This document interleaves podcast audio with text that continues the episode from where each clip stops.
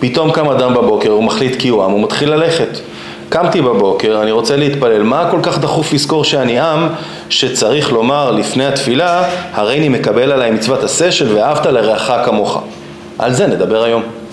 ברוכים הבאים לפרק ה-14 של הפודקאסט שלנו על הסידור והתפילה, איתי הרב שמואל רסקין, אני בני חיון. שלום בני. שלום הרב שמואל רסקין. והיום אנחנו נדבר על משפט אה, מאוד מאוד קצר. הריני מקבל עליי מצוות עשה של ואהבת לרעך כמוך. זהו? זהו. יש ארבע מילים לפניו. נכון לומר קודם התפילה. כן. אז פעם שמעתי מישהו שאמר, נגיד שאני מקבל עליי מצוות עשה של ואהבת, אני לא יודע. אז הוא אומר, נכון לומר קודם התפילה, הרי אני מקבל עליי. אוקיי, ו- ו- וברצינות, כלומר, אמרת לי שזה משפט מאוד חשוב. משפט מאוד מאוד חשוב. אה, הוא מופיע בכתבי המקובלים כמקור שלו, בכתבי אריזן, שצריך לקבל, האדם צריך לקבל על עצמו לפני התפילה מצוות עשה של ואהבת לך כמוך, אבל השאלה הקדוש כותב ממש לומר את זה במילים, ואדמו"ר הזקן מביא את זה. בסידור שלו, אנחנו מתפללים בסידור הזה של אדמו"ר הזקן, אה, לומר, נכון לומר קודם התפילה, הריני מקבל עליי, פשוט לומר את הטקסט הזה. אנחנו שוב נוגעים במקום הזה שבעצם היהדות מדברת על נוכחות מלאה ותשומת לב בחיים לכל רגע ורגע ולתת לו כוונה ומשמעות ובעצם עכשיו זה הפתיח של כל התפילות של היום. נכון, במיוחד של שחרית שהיא התפילה העיקרית מבחינת תפילה, מבחינת עבודת התפילה. אוקיי, אז אולי... עבודת התפילה כתהליך נפשי. אז, אז בואו נדבר קצת על המשפט הזה, כי אה, למה הוא כל כך חשוב? כלומר, יש, יש אה, אין ספור משפטים. נכון, אז יש לו כמה וכמה סיבות לחשיבות שלו. אה, קודם כל, הסיבה הראשונה על פי קבלה. בתפילה אנחנו מתקרבים לפני השם. ותפילות במקום קורבנות תקנו. תפילה מלשון, תפילה זה קורבן והתקרבות. ולהתקרב אי אפשר לבד. אה, מה זאת אומרת, למה להתקרב אי אפשר לבד? זהו. יש כלל שאומר שקורבן צריך להיות תמים, צריך להיות שלם. ואדם כשלעצמו הוא לא שלם. אבל כשאדם מגיע ואומר, אני רוצה לדבר בתור חלק מתוך כלל. אני זוכר שכולנו, כל, כל, כל עם ישראל, הם, כמו שכתוב בכתבי אריזה, על קומה אחת שלמה. אנחנו כולנו מציאות אה, אה, קולקטיבית אחת, קולקטיב אחד. ולכן אני בא להתפלל, נכון שאני מתפלל את התפילה שלי, אבל אני מתפלל כחלק מקולקטיב. ולכן מאוד חשוב לי להתחבר אל הקולקטיב. לפני שאני מגיע להתפלל, אני, אני, אני רוצה לזכור שלא רק אני כאן. ראיתי באיזשהו מקום שכתוב שפה לפני התפילה אומרים הרי אני מקבל עליי, mm-hmm. זה עוד כשאדם מתפלל יחסית לעצמו. מגיע לבית הכנסת, מתחילים את התפילה עם קדיש. כן. והקדיש שמתחילים לפני התפילה הוא קדיש על ישראל. על ישראל ועל רבנן ותלמידיון וכל תלמידי תלמידיון וכל מאן דסקים ומבקשים ברכה עבור כלל ישראל. וראיתי, הרבי הקודם כותב, שהרי אני מקבל ואני מחבר את עצמי אל הכלל, ובקדיש ההוא אני מחבר את הכלל אליי. אבל לפני שאני רותם את עצמי אל, ה, אל הציבור כולו, אין לי מה לגשת להתפלל. זה הסבר אחד. זה הסבר מעניין מאוד, כלומר, אתה אומר בעצם שאנחנו מסתכלים על עצמנו כאדם שהוא כמובן לא שלם, ואז אנחנו לרגע מסוים מבקשים שהדברים הבאים יהיו בשם כל התודעה הגדולה הזאת. נכון. זה, זה יושב על מקום מאוד מאוד עמוק, שקשור לכל הנושא של תפילה, ואנחנו נעסוק בו כשנגיע בתוך התפילה עצמה, מזמור של חנוכת הבית ועוד מקומות, שבעצם, בעצם, בעצם, בעצם, תפילה היא בכלל לא אמירה שלי. היא חיבור שלי למשהו על פי קבלה, שמתרחש בכלל לא פה.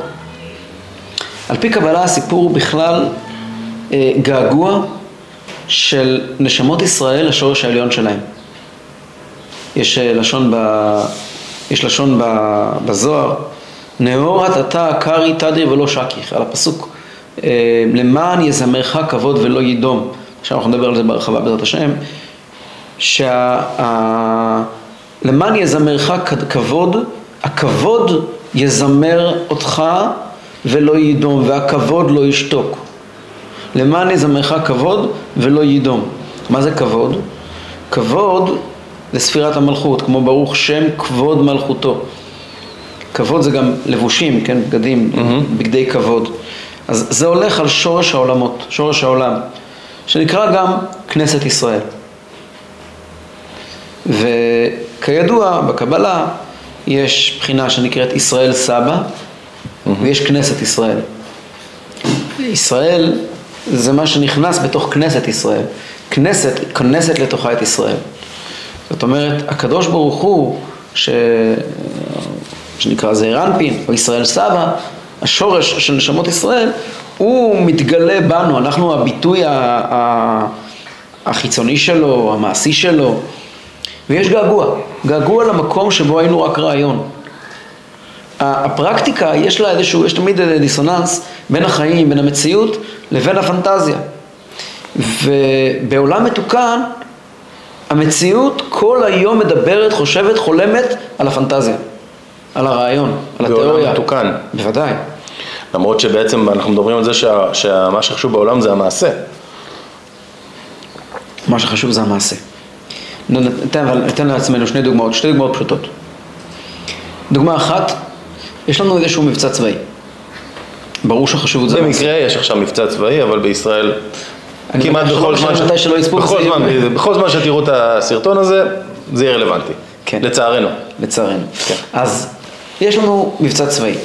מבצע צבאי הוא בעצם תוכנית. הרי ב... יש פה, ישבו אנשים, יושבים אנשים כל הזמן, וכותבים תוכניות למבצעים. תוכניות מגירה. כן.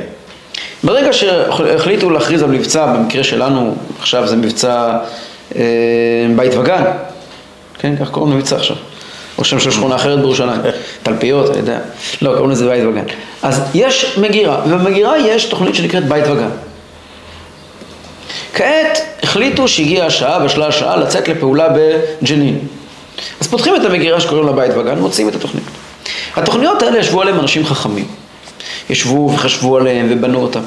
עכשיו, המציאות היא שעכשיו חם, עכשיו קר. המציאות היא לא תמיד אה, אה, אה יושבת אחד לאחד מול התוכניות.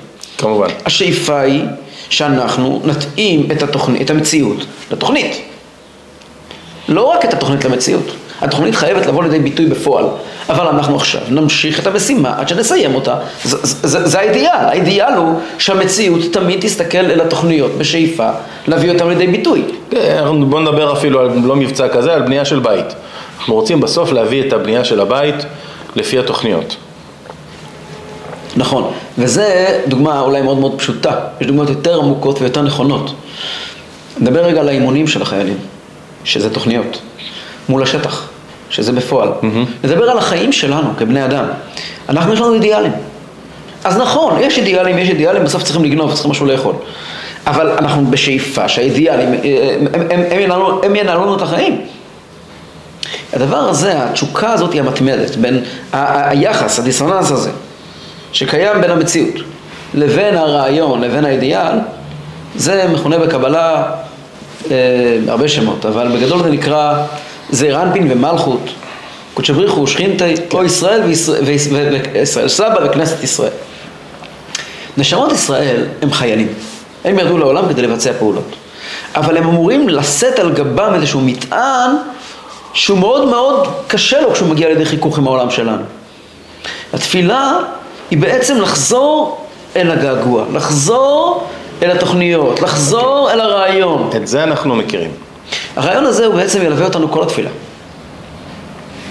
ולכן כשאני מתיישב להתכוונן מול אותו מקור, אז אני חייב לעמוד ולזכור, זאת אומרת, יש פה, הגעגוע הזה הוא לא געגוע שלי, הוא געגוע של, של הרעיון.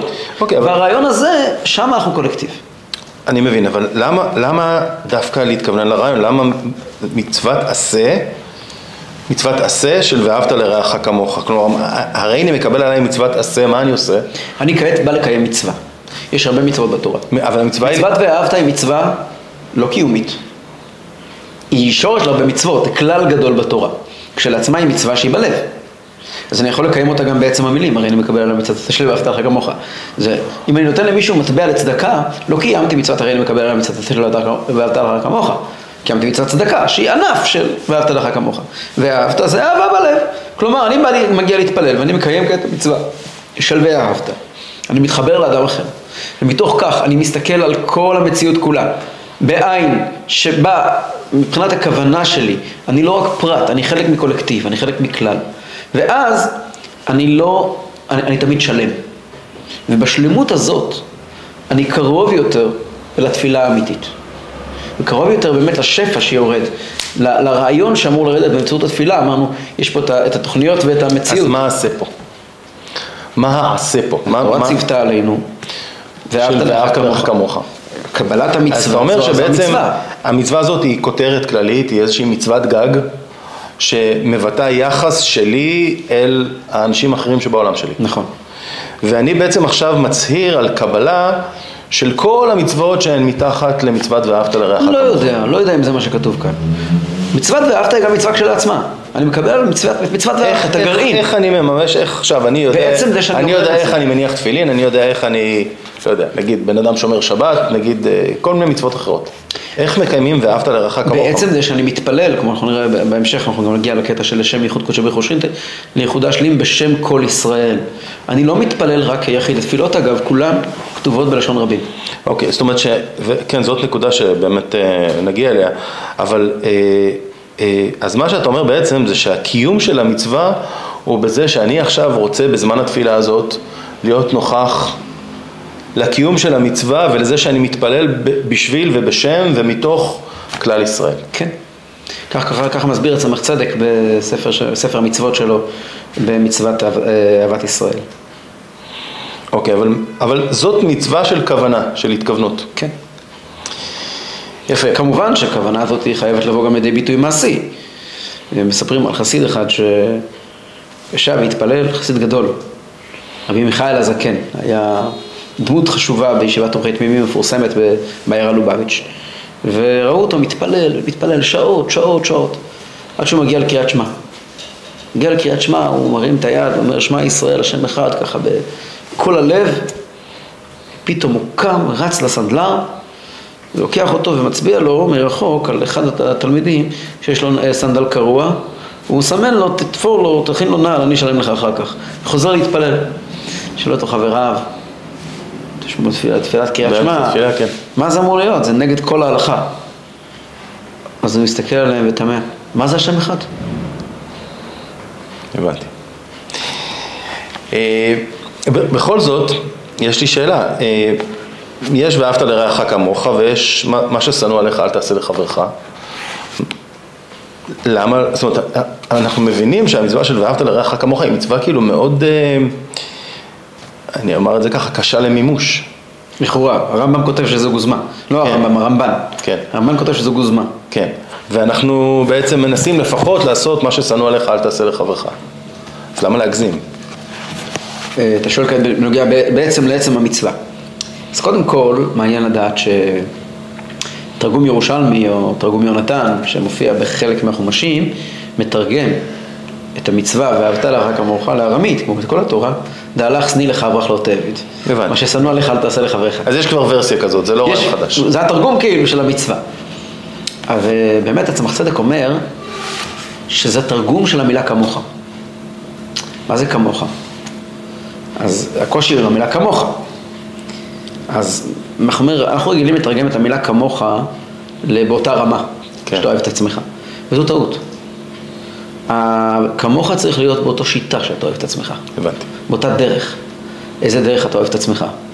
יש בזה הרבה מאוד אה, אה, רעיונות, אחד הרעיונות שהצמח צדק אומר באותו מקום, קשור לנושא של תפילה באמת. הוא אומר, אדם אוהב את עצמו בלי תנאים. אדם אוהב את עצמו ללא תנאי. כלומר, אדם יכול לא לקבל את עצמו בגלל תנאים, אבל כשהוא אוהב את עצמו, אוהב את עצמו בלי אדם תנאים. אוהב את עצמו תמיד. אני לא מקבל את זה שאדם לא מקבל את עצמו. לא, תשמע, יש- בן אדם יכול לכעוס על עצמו, להגיד איזה... יכול לכעוס על עצמו, זה לא- איזה טעות עשיתי, או אתה יודע, או אדם לשבת... שכועס על עצמו זה נובע מתוך אהבת עצמו בלתי נגמרת. אוקיי. זה, זה אובססיביות לעצמו. כן. זה לא תמיד אהבת עצמך באה לידי ביטוי בצורה מתוקנת. כן. אבל גם אנשים ששונאים את עצמם, הם מתעסקים עם זה. אם הוא שונא את עצמו, אז הוא לא היה אמור להתעסק עם זה.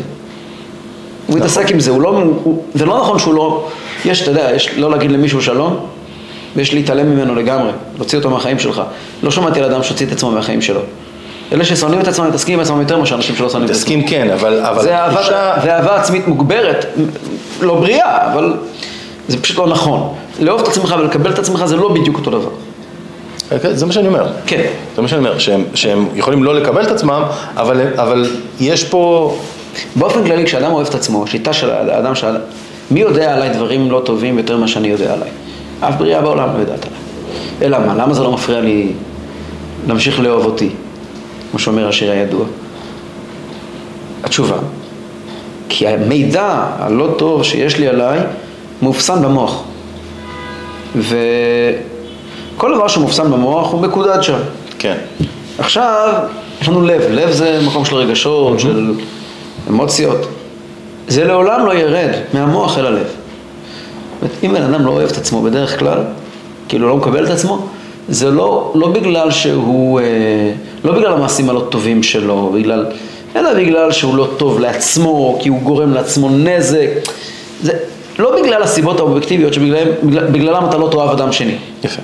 ואומר הצמח צדק, אתה יכול להתייחס ככה גם לאדם אחר. בדיוק. אז מה שאתה אומר בעצם, הכמוך הזה, זה אה, תקבל אחרים למרות הטעויות שהם עושים, למרות מי שהם בעיניך, למרות מי שהם לא בעיניך. למה? כמו שאתה מקבל את עצמך. כי על כל פשעים תכסה אהבה. יחסי אהבה. וזה רעיון מאוד מאוד גדול, אומר הצמח צדק. ולכן, אבל אהבת. ניגשים ככה לתפילה. גם הקדוש ברוך הוא, מצידו, ניגש עלינו ככה. יפה, אז... אז, אז ואז אנחנו, הפגמים שלו למעשה הם לא רלוונטיים. כן, אז יש פה עניין שהוא, שהוא מאוד עמוק, של הכמוך הזה מדבר על האופן שבו אני מתייחס לעצמי באמת. למרות שהייתי כזה בן אדם לא כל כך סימפטי היום, עדיין אני אוכל ארוחת ערב והולך לישון וקם למחרת והכל בסדר, וגם אם אני כועס על עצמי, עדיין אני אדאג לצרכים שלי, למרות שאני כועס על עצמי.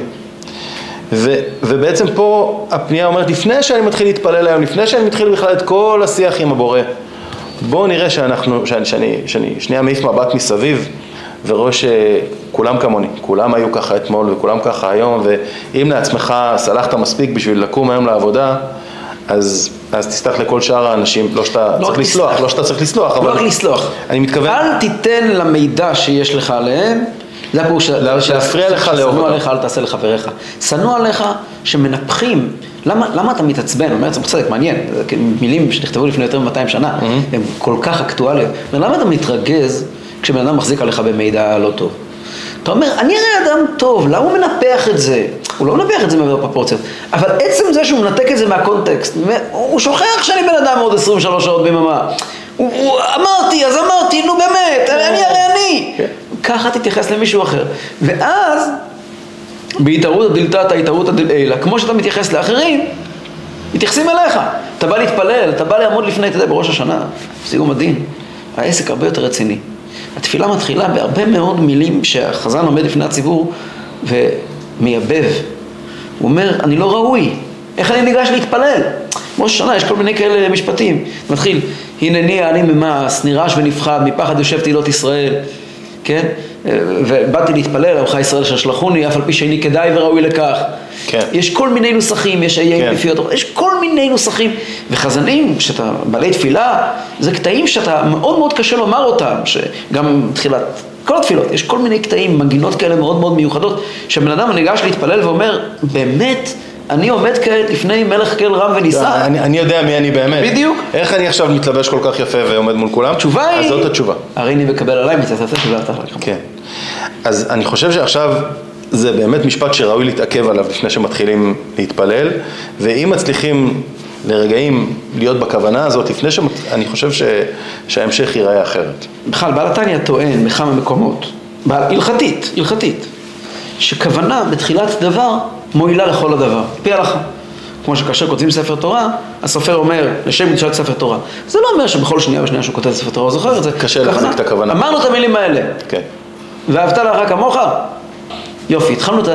שמנו לעצמנו את היעדים נכון, אתה יודע, זה גם ברמה הכי פשוטה. לפני כן. כל הקבלה והרעיונות העמוקים, בן אדם נעמד להתפלל בבוקר, חשוב שהוא יזכור מה חשוב בחיים. כן, כן, אני חושב... וזה הערך אני, אני חושב הראשון. שה, שהמשפט הזה, שהוא אפילו לא כל כך מודגש, להפך, הוא טיפה... בסידור המקורי של אדמו"ר הזקן, זה מופיע בכתב רש"י, בסיום ההלכות של, שלפני כן, של אה, סדר הנחת תפילין, בכלל לא בתוך, בכלל לא מנוקד ולא באותיות, כאילו זה חלק מהדינים, יש דין כזה שהרי אני מקבל עליי, שצריך, נכון לומר קודם בתפילה, הרי אני מקבל עליי. כן, אבל כשמסתכלים על זה, כמו שדיברנו עכשיו, אני חושב שיש לזה משמעות הרבה יותר אה, גדולה מאשר אה, אה, סתם עוד איזה משפט, שאני חושב שיש פה סתם משפטים, אבל בכל אופן, יש משפטים שאתה עובר עליהם הם יותר שכיחים, וזה משהו ש, ששווה שנייה לעצור ולהתעכב עליו לפני שמתחילים. מעניין לציין שהרבי ביקש בכמה הזדמנויות לפרסם, והרבי אמר שזה סגולה נגד כל מיני דברים שקורים נגד עם ישראל בתקופה האחרונה, לפרסם ולהפיץ את המנהג, לומר לפני התפילה הריני מקבל עליי מצוות עשה של ואהבת עליך כמוך, ולומר אחרי התפילה את הפסוק אך צדיקים ידעו לשמך ישבו ישרים את פניך. ו... זה הדבר שהרבי ממש ביקש לפרסם אותו ולהפיץ אותו. גם אם בן אדם אפילו רק בא להניח תפילין. ואולי הוא לא מתפלל את כל התפילה. אז לפני שהוא מתפלל. הריני מקבל עליי מצוות עשה של ואהבת לרעך כמוך. ולסיים, אך צדיקים ידעו לשמך ישבו ישרים את פניך. יש אפילו שיר. הריני מקבל עליי מצוות עשה של ואהבת ואהבת לרעך כמוך, אך צדיקים יורדו לשמך, ישבו ישרים את פניך, מנגינה של דיינו, כן? זה דבר שמאוד מאוד מאוד חשוב להפיץ אותו. אם נהניתם, תשתפו, תספרו לחברים, ותלחצו על הפעמון לקבל קבוע את הקטעי פודקאסט האלה. תודה רבה, הרב שמואל רסקין. להתראות. להתראות.